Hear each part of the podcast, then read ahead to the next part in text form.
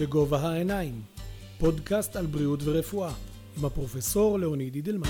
היום איתנו פרופסור אבישי אליס, יושב ראש האיגוד הישראלי לרפואה פנימית ומנהל מחלקה פנימית. שלום לך. שלום רב.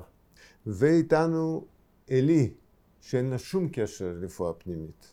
ואני רוצה לשאול אותך, פרופסור אליס, אתה הרי באת מבית החולים, עשית ביקור במחלקה, ראית חולים, נתת הנחיות לרופאים. מה בדיוק היה במחלקה שלך לפני שבאת לפה? איך מצאת את החולים שלך? באיזה מצב המחלקה הייתה? ומה עשיתם בעצם בביקור? מה שמצאתי זה פחות או יותר מה שמפקד מוצא כשהוא יוצא לשדה קרב. זאת אומרת, אתה נכנס למחלקה בבוקר ואתה נכנס לאיזשהו שדה קרב שהוא בלתי נודע לחלוטין. עכשיו, אני מקבל מודיעין. אני יוצא מהבית בבוקר, בשבע בבוקר בערך, ואני מתקשר ושואל מה קורה, כדי לדעת לקראת מה אני מגיע, כי אני מתייחס לזה כמו מפקד שיוצא לשדה קרב. בשדה הקרב, קודם כל לדעת כמה קבלות חדשות היו. זאת אומרת, מי כמה חולים, כמה חולים חדשים, חדשים התקבלו? התקבלו הלילה למחלקה. 14 חולים חדשים התקבלו.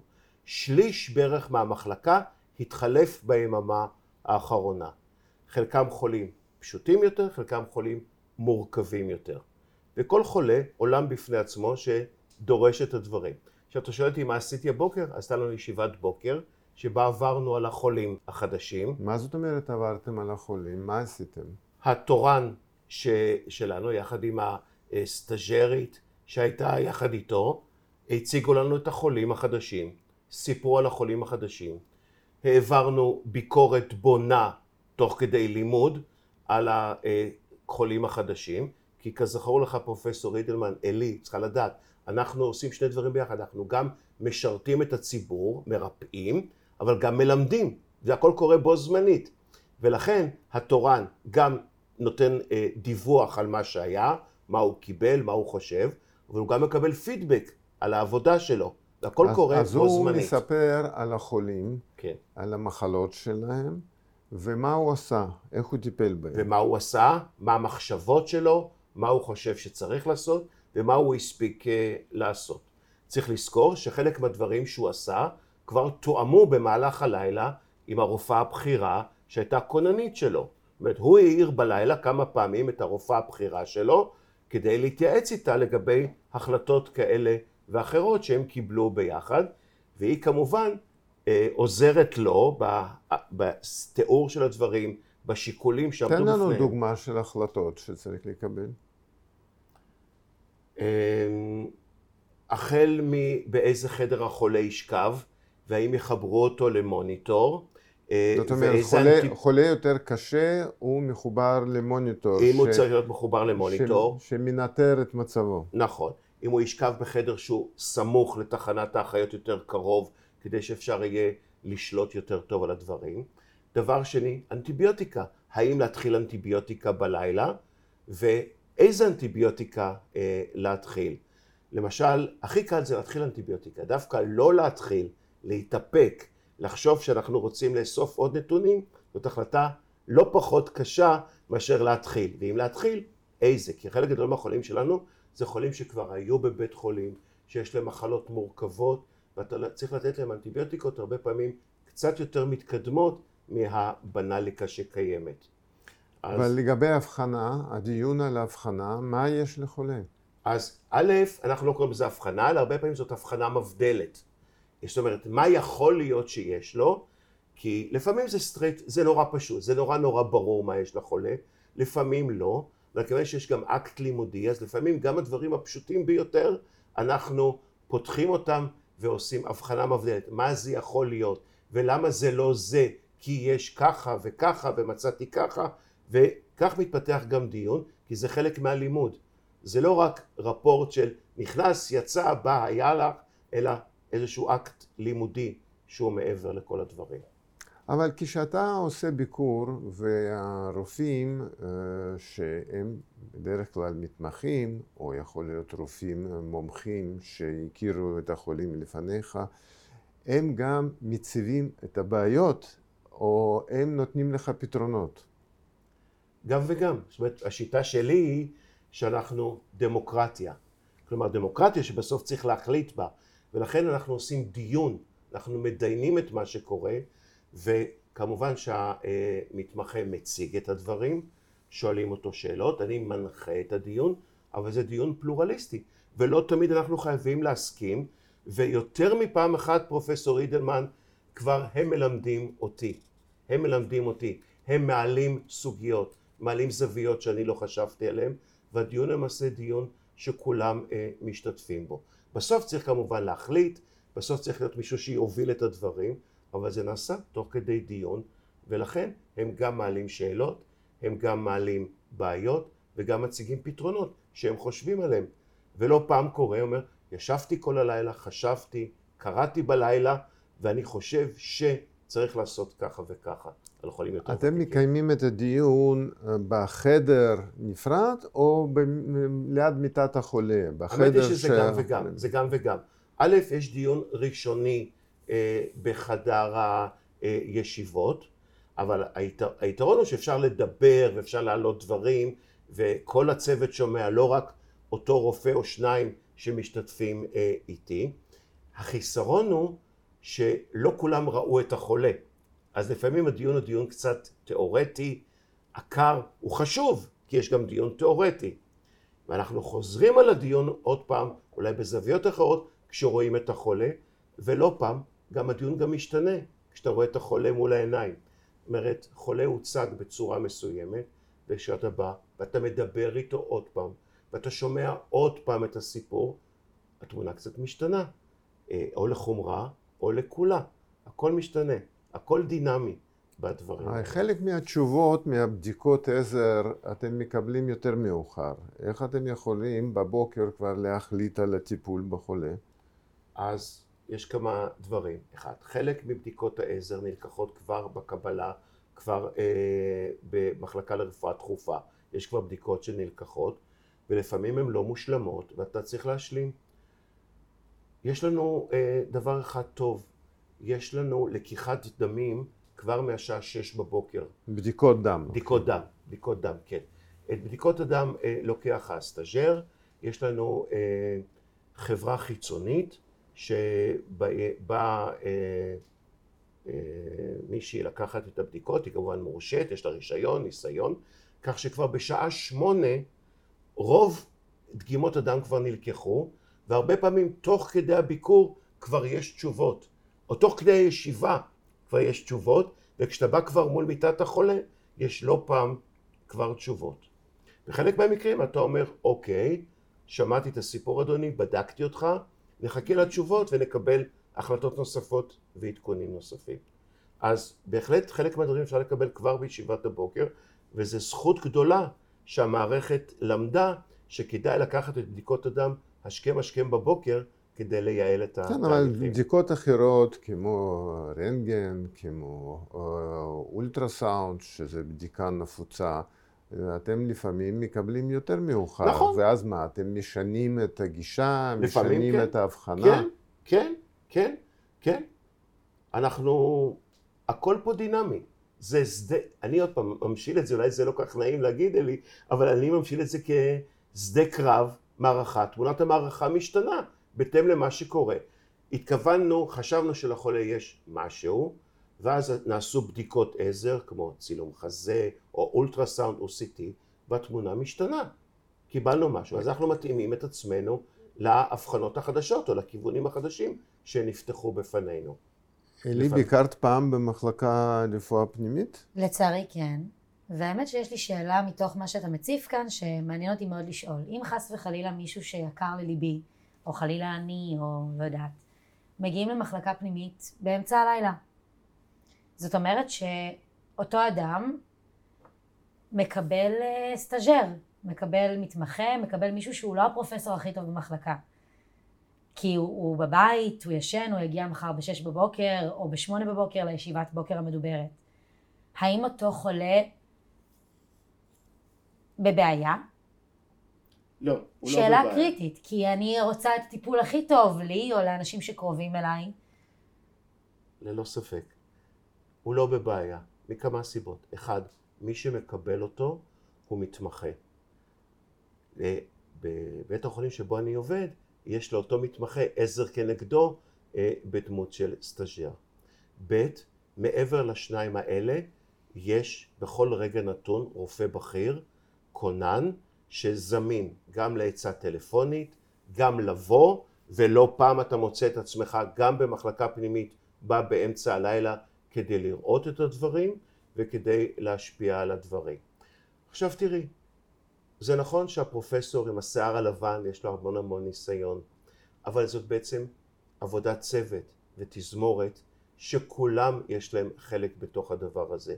ולפעמים פעולות אה, מנואליות, פעולות ידניות של הכנסת עירוי או הכנסת צינור לדרכי הנשימה, עדיף לפעמים שהמתמחה המנוסה יעשה את זה ולא הפרופסור שלא עשה את זה כבר שנים רבות. ולכן לכל אחד בתזמורת הזאת יש תפקיד. וללא ספק, גם כשבאים באמצע הלילה וגם כשבאים בשבת ובחג ובראש השנה ויום כיפור, תמיד יהיה מישהו בעל ידע וניסיון לקבל, ותמיד יש מאחוריו עוד קו שני וקו שלישי כדי לעזור לו אם הוא נתקל בקשיים כאלה ואחרים. זה מרגיע לשמוע, ובנוגע לצוות קבוע, זאת אומרת בן אדם שמטופל במחלקה והוא נמצא בה שבוע, שבועיים, אני לא יודעת כמה זמן אפשר להיות במחלקה פנימית. האם האנשים שהוא יראה הם אותם פנים קבוע, כאילו קבוע, אנשים קבועים כל פעם? זה יהיה צוות קבוע שאני יכולה לסמוך? אותו מטופל, האם יראה אותם רופאים, את מתכוונת? האם אותו מטופל ממשיך את אותו תהליך עם אותו פרופסור, מתמחה, אח, אותם פנים קבועות שהוא יכיר לאורך הדרך? שאלה מצוינת, והתשובה היא קשה והיא תהיה כן ולא. למה הכוונה? קודם כל נתחיל בביקורת עלייך. משך האשפוז במחלקה פנימית בארץ אה, הוא בממוצע בסביבות שלושה וחצי ימים, שהוא קצר מאוד ואנחנו חושבים שהוא צריך להיות הרבה יותר ארוך. אבל גם באותם שלושה ימים חלק מהדמויות שיראה יהיו קבועות וחלק משתנות. הפרופסור הוא תמיד אותו פרופסור. הרופא הבכיר שאחראי על קבוצת חדרים או חולים יהיה אותו אחד. וזה למעשה הדמות החשובה ביותר שהחולה צריך לראות לנגד עיניו. זה הרופא הבכיר שהוא רואה אותו כל יום, שמכיר אותו, שמטפל בו. לגבי המתמחים, הרופאים היותר צעירים, לצערנו לא. כיוון שהמתמחים עושים תורנויות, ואז הם הולכים הביתה אחרי תורנות, ומגיבים הם עבדו בשבת או ביום שישי, מגיע להם יום אחר. זה דברים טובים. יום מנוחה. פרופסור אידלמן השיג את הדברים האלה במהלך השנים, אה, ולכן לא תמיד הוא יראה את אותו אה, מתמחה. אנחנו עושים המון המון מאמצים שזה יקרה, אבל קשה להבטיח. זה, זה אחד מעקבי אכילס שיש בתוך המחלקות, שאתה לא תמיד ממשיך. אבל הדמות של הרופא הבכיר, שהיא קרדינלית, אותה היא לא משתנה, והיא למעשה זאת שאחראי על מה שקורה. גם לגבי הסיעוד, לא תמיד זה יהיה אותה אחות או אותו אח שיטפל, כי גם הם עובדים במשמרות וגם הם עובדים בחלקיות משרה, ולא תמיד אתה רואה את כולם, אבל ישנה טכניקה מאוד ברורה של העברת נתונים. כתובה, בעל פה, גם וגם, ואנחנו משקיעים המון זמן בהעברת הנתונים בין הצוותים השונים. לי זה באמת נושא מאוד מעניין, ואני מתאר לעצמי שאת מתכוונת שיותר טוב אם יהיה אותו רופא, אותה אחות, כל הזמן במהלך כל האשפוז, שזה נראה לי מאוד מאוד הגיוני, זה מאוד נכון. אנשים מתחלפים, כי באמת אחרי תורנות אנחנו רוצים שילכו הביתה, אנשים גם מטבע הדברים לפעמים נמצאים בחופשה ולא תמיד נמצאים אותם רופאים, אבל כן, כמו שפרופסור אליס אמר, המחלקה בתור מערכת מאוד מסובכת, היא עובדת כך כדי לתת באמת מענה לכל הצרכים של המטופלים. אנחנו... ברשותך, כן. עוד דבר אחד. אנחנו, אני אמרתי, אני רוצה להדגיש עוד פעם, אנחנו תמיד מדברים על הפרופסורים שנמצאים אי שם למעלה, וכבודם גדול וחשוב, ויש את המתמחים שגם להם זוכים המון המון לתשומת לב ציבורית, אבל יש שכבה באמצע שהיא אולי החשובה ביותר, זה הרופאים הבכירים. אנשים שהם מומחים ברפואה פנימית, בדרך כלל יש להם עוד התמחות אחת נוספת, והם למעשה אלה שמחזיקים את המחלקה מבחינת הידע, הזיכרון הארגוני בין הימים השונים ובין החולים השונים, וזאת שכבה שצריך להוקיר אותה ולטפח אותה, ואנחנו לא תמיד עושים את זה בצורה מספיק טובה במערכת. פרופסור אליס, אנחנו נמצאים שנה וחצי במגיפת קורונה, ומחלקות אה, פנימיות הם אלה שבעצם נשאו בעיקר הנטל בטיפול בחולים, חולים קשים, מורכבים, עם מחלה חדשה. איך אתם חוויתם את המגיפה ואיך אתם התארגנתם ואיך אתם מאורגנים היום לטפל בחולים האלה? עוד פעם, זו שאלה סופר מורכבת. קודם כל נתחיל מההתחלה. אנחנו לא ידענו, זאת אומרת יום אחד קמנו בבוקר, הסתכלנו ימינה, הסתכלנו שמאלה, יש חולים מקדימה ומישהו צריך לטפל בהם. אז לא שואלים שאלות ומתחילים לטפל והמחלקה הראשונה שנפתחה הייתה בבית חולים שיבא, דוקטור פרופסור גדי סגל, אה, לא הסתכל לא ימינה לא שמאלה, אמר אוקיי, אני מתחיל לטפל בחולים. אז זו נקודה אחת, וככה זה התפשט בין כל בתי החולים. כלומר, אנשים הבינו שזה נופל על מחלקות פנימיות. אין אף אחד אחר שיכול לעשות את זה. שתיים, מה שמרתק, ואפשר לדבר עליו הרבה, זה לימוד תוך כדי תנועה.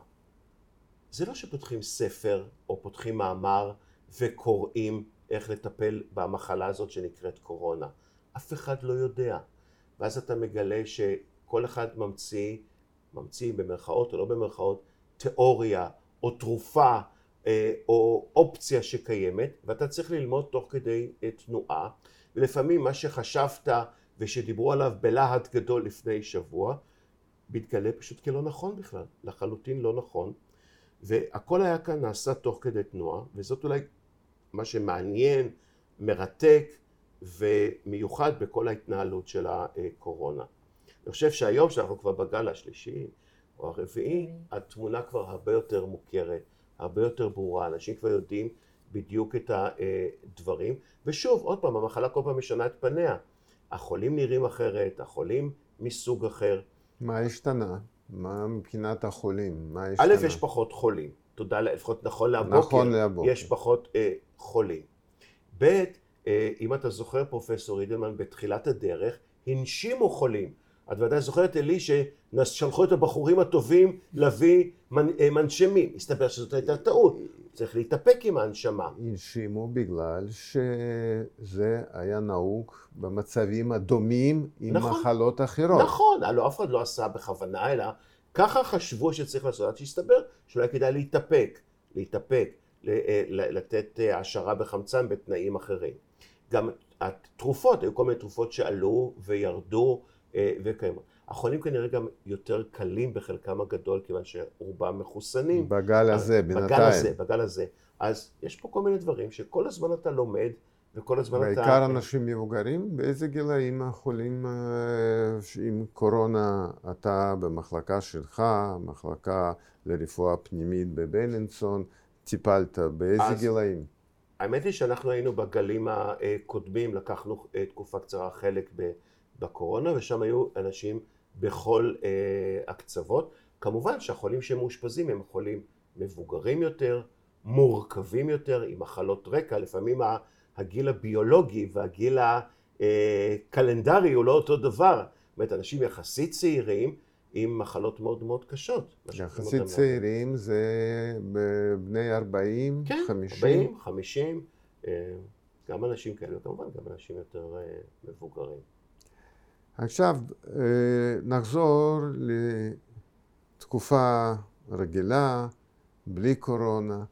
אה, איזה אתה בתור רופא מאוד מנוסה, חולה או חולה, הכי מורכבת שאתה יכול עכשיו לספר לנו עליה, כמובן בלי שמות, עם איזה מחלות, במה אתה טיפלת, איך באמת אה, הצלחת לאזן חולה כזאת, אה, תן לנו דוגמה. אז אני אגיד רק שני דברים בכל זאת. אחד, בכל תקופת הקורונה המשכנו לטפל גם בחולים רגילים.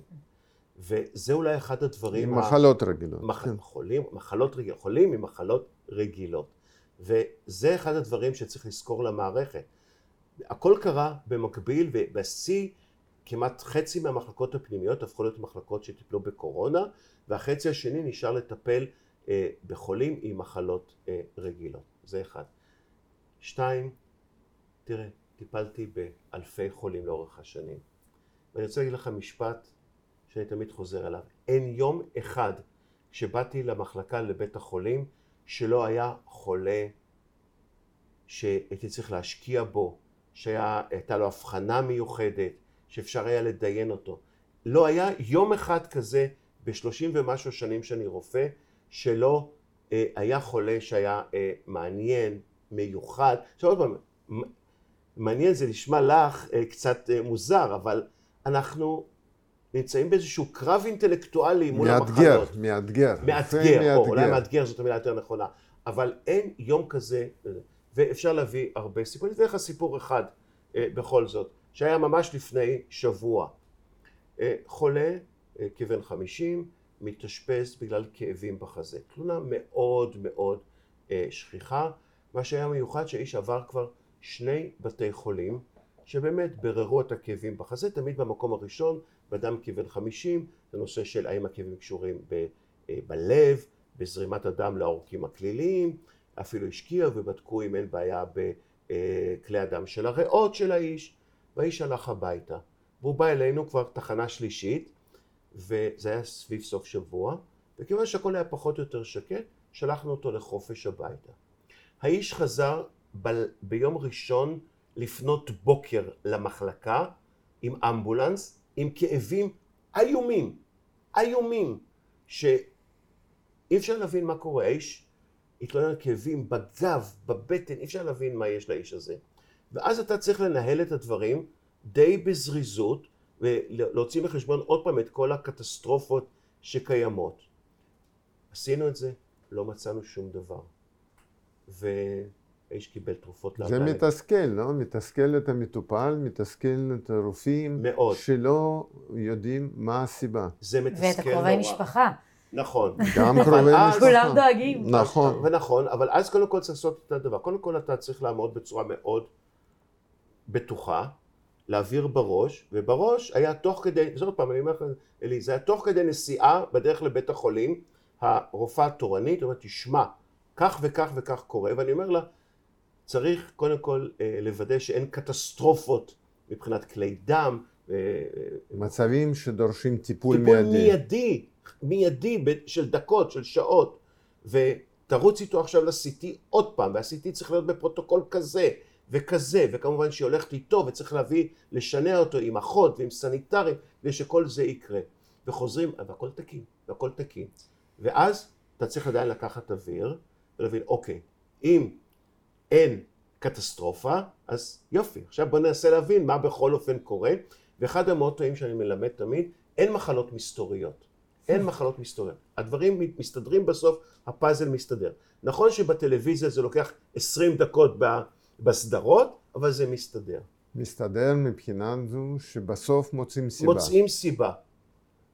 אני אקפוץ ישר לסוף. זה לקח עוד, עוד 48 שעות, מסתבר שלאיש יש לויקמיה חריפה מסוג אה, מסוים, שאחד הביטויים זה שלה זה סרטן כאב, דם. סרטן דם, שאחד הביטויים, כיוון שזה מח העצם מתחיל לעבוד פתאום בצורה מאוד מאוד פעילה, זה גורם לכאבים אה, מהסוג הזה, וזה תואר, ונעשתה הבחנה, הבחנה איומה, קשה, החולה עבר כמובן לקבל טיפול, ואנחנו מקווים שאפשר יהיה לטפל בו ולהציל אותו.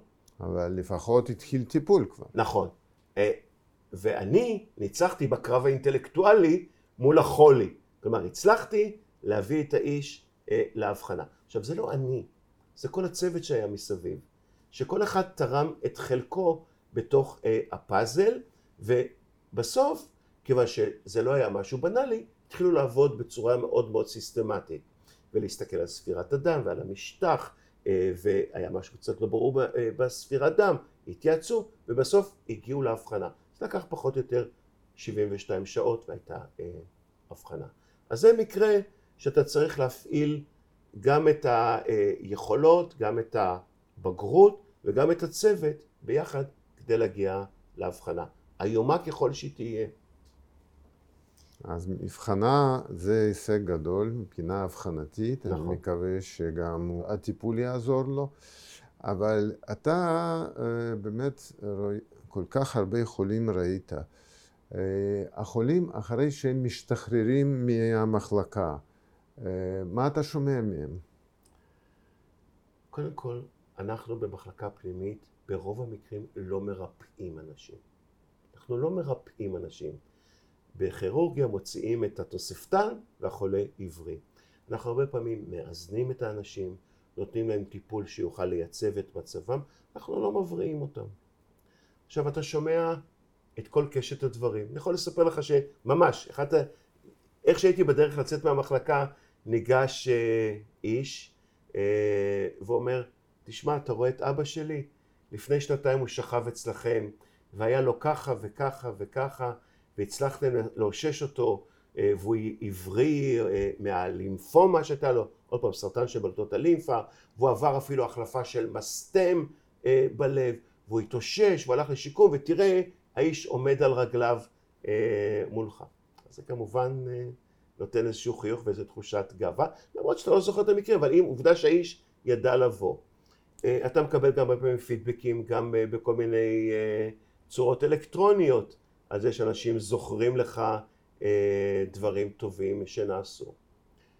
בחלק מהמקרים אנחנו לא מצליחים ואנחנו נאלצים אה, ללוות אנשים לסוף חייהם, אבל גם כאן אפשר לעשות את זה בצורה מכובדת, אה, שהמשפחה תזכור גם את הרגעים האיומים האלה לטובה.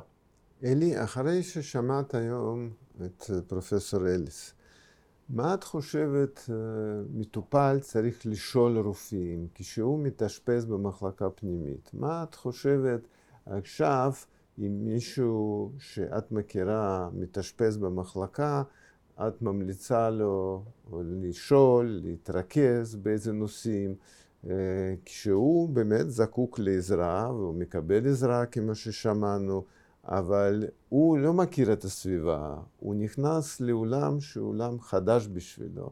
עכשיו ששמענו את פרופסור אליס, איזה המלצות היית נותנת לו? אוקיי, okay, אז דבר ראשון הייתי מבינה איפה אנחנו נמצאים ולמה, ומנסה אולי לשאול בדבר הראשון, האם ידועה לנו מה הסיבה שבגללה הגענו לכאן. ואם התשובה היא שלילית, ואנחנו עוד לא יודעים למה אנחנו כאן, אז אני אשאל איזה בדיקות כבר נעשו. מה כבר בדקנו ומה שללנו, כדי לנסות להבין איפה אנחנו נמצאים. ואם אנחנו עוד אין לנו תשובה, כי אתה תיארת מצב שבו יכול גם לקחת 72 שעות או אפילו יותר, אז אני אשאל מה התוכנית פעולה. זאת אומרת, או אפילו מה הסדר יום של המחלקה, זאת אומרת, הבן אדם ילך לישון, נקום בבוקר, בשעה 6 ייקחו לו דם, אז בשעה 8 תהיה ישיבה, זאת אומרת שאני בשעה 10, 11 יכולה להתקשר, או להגיע ולשאול מה עושים ומה התחדש היום. בתור קרובת משפחה. בתור קרובת משפחה. וגם בתור קרובת משפחה אולי הייתי שואלת מה אני יכולה לעשות כדי להקל על הסיטואציה, אם אני יכולה, אה, האם מותר להביא משהו מהבית, האם מותר אה, להביא אוכל מהבית, האם מותר, יש שעות שמותר להגיע בהן, יש שעות שאסור להגיע בהן, אה, מה אני צריכה לעשות כדי להקל גם באינטראקציה מולי, זאת אומרת אני מאוד דואגת. אני מצידי לשבת שם כל היום ולהתקשר בכל רגע אפשרי. כמובן שיש עוד כמוני רבים. מה הגבולות, מה מותר לי לעשות, מה אסור לי לעשות, מה אני צריכה לדעת מכאן והלאה, אבל בעיקר איזה בדיקות כבר נעשו, איזה בדיקות אנחנו מתכננים לעשות, מה אנחנו שוללים, וכמובן מה ה-Worst case scenario, אולי מה הדבר הכי נורא שאנחנו יכולים לגלות, כדי להיערך בהתאם. אז אני אנסה לעשות לך סדר בכל מה שאמרת, כי אמרת המון דברים וכולם, כולם חשובים ובאמת באים מתוך הלב. א', היום בכל מחלקה, בוודאי במחלקות פנימיות, החולים מקבלים אה, איזשהו דף מידע צבעוני מאוד מאוד ברור, כתוב גם בכמה שפות אה, החשובות ביותר, כדי לדעת באמת את הנפוצות, סדר היום. הנפוצות ביותר. הנפוצות ביותר. נכון, כן, כן, כן. הנפוצות ביותר. אה, גם אה, על סדר היום ואיך הדברים מתנהלים וכולי. שתיים, אני חושב שמטעמי סודיות רפואית אנחנו משתדלים לא לדבר בטלפון. לא למסור מידע בטלפון. אני חושב שזה נכון, כיוון שאתה אף לא יודע למי אתה מוסר מידע. ולכן העצה הראשונה אלייך זה לא לנסות לקבל מידע בטלפון, אלא לבוא פנים אל פנים ולקבל את המידע. שלוש, כיוון שהמחלקות, כמו ששמעת, אה, עמוסות מאוד, פעילות מאוד, בסדר יום מאוד מאוד עמוס, יש שעות שבהם מדברים ומקבלים אינפורמציה. וזה מחלק לשניים. או בזמן הביקור, כאשר אנחנו נמצאים מול מיטת החולה, אז או בן המשפחה עומד יחד עם החולה ומקבל, שותף ומקבל את האינפורמציה, או מיד לאחר מכן. אני אישית מעדיף לגמור את ה... לטפל בחולה, להסביר, לצאת החוצה ולהסביר למשפחה אה, במקביל, זאת אפשרות אחת. שתיים, בכל מחלקה יש שעות, וכדאי להקפיד על השעות האלה לבוא. למה? א', זה עושה סדר. שתיים, אתה מדבר עם הרופא המטפל. כי אם אתה בא בשעה שמונה בערב, אתה פוגש את הרופא התורן, שלא תמיד מכיר לפרטי פרטים את סיפור החולה, מה גם הוא עסוק, הוא עסוק בלקבל את אותם 14 קבלות שקיימות, ואז אין לו זמן לשבת, להסביר, לחייך במאור פנים ולתת את האינפורמציה. אז כדאי לבוא בזמן המתאים. דבר נוסף, זה כמו שאת אמרת, לשאול את השאלות. אני דרך אגב מציע להכין את השאלות מראש. לא פעם אנשים באים עם פתק, עם נייר, עם השאלות שהם התכוונו לשאול, וזה בסדר גמור. באת לשיחה, תתכונן לשיחה, תקבל תשובות, אפילו תרשום לך הערות כדי שתוכל להתכונן לשיחה למחרת או יום אחרי זה. ונקודה אחרונה מאוד חשובה, זמן הוא חלק מהטיפול במחלקה פנימית. לוקח לנו זמן אה, להגיע לה, אה, לאבחנות, ולוקח לחולים גם זמן גם להבריא. אף אחד לא מבריא מדלקת ריאות ככה. קיבל מנה אחת של אנטיביוטיקה והוא בריא כעבור חמש דקות. גם, גם הזמן הוא אלמנט נורא חשוב אה, ברפואה פנימית, ולכן גם בו צריך להיעזר אה, בסבלנות. זה שני דברים הכי חשובים שאני למדתי היום, שצריך באמת לשאול שאלות, ושצריך הרבה סבלנות. המון סבלנות. במחלות האלה צריכים הרבה סבלנות. נכון. אנחנו סובלים מקוצר רוח, ופה דווקא מקרה שצריך הרבה סבלנות. כן, וזה לא קל, כי אנחנו א' רוצים נורא שזה הכל ילך מהר. אנחנו רוצים שהכל מהר מאוד יהיה כבר אחרינו. נכון. לא תמיד אנחנו מצליחים, סבלנות, וכמו שאתה תיארת לנו, יש הרבה הצלחות ברפואה פנימית. בוודאי שיש הצלחות, אה, והצלחות זה גם מושג גם יחסי, אני אגיד את זה עוד פעם, למרות שזה יישמע אולי אה, לא נורא נורא פופולרי. מוות הוא חלק ממחלקה פנימית, הוא חלק מהחיים, הוא חלק גם ממחלקה פנימית. וזאת בהחלט צריכה להיות אומנות איך לתת לאנשים לעזוב את העולם ברוגע, עם משפחה שמבינה אה, ומוכנה ושלמה כדי לעשות את הדברים האלה, גם ברגעים האיומים ביותר והקשים ביותר אה, שיש. וזה חלק מההצלחה גם של אה, מחלקה פנימית. תודה רבה, ושנהיה בריאים. בגובה העיניים, פודקאסט על בריאות ורפואה, עם הפרופסור לאוניד אידלמן.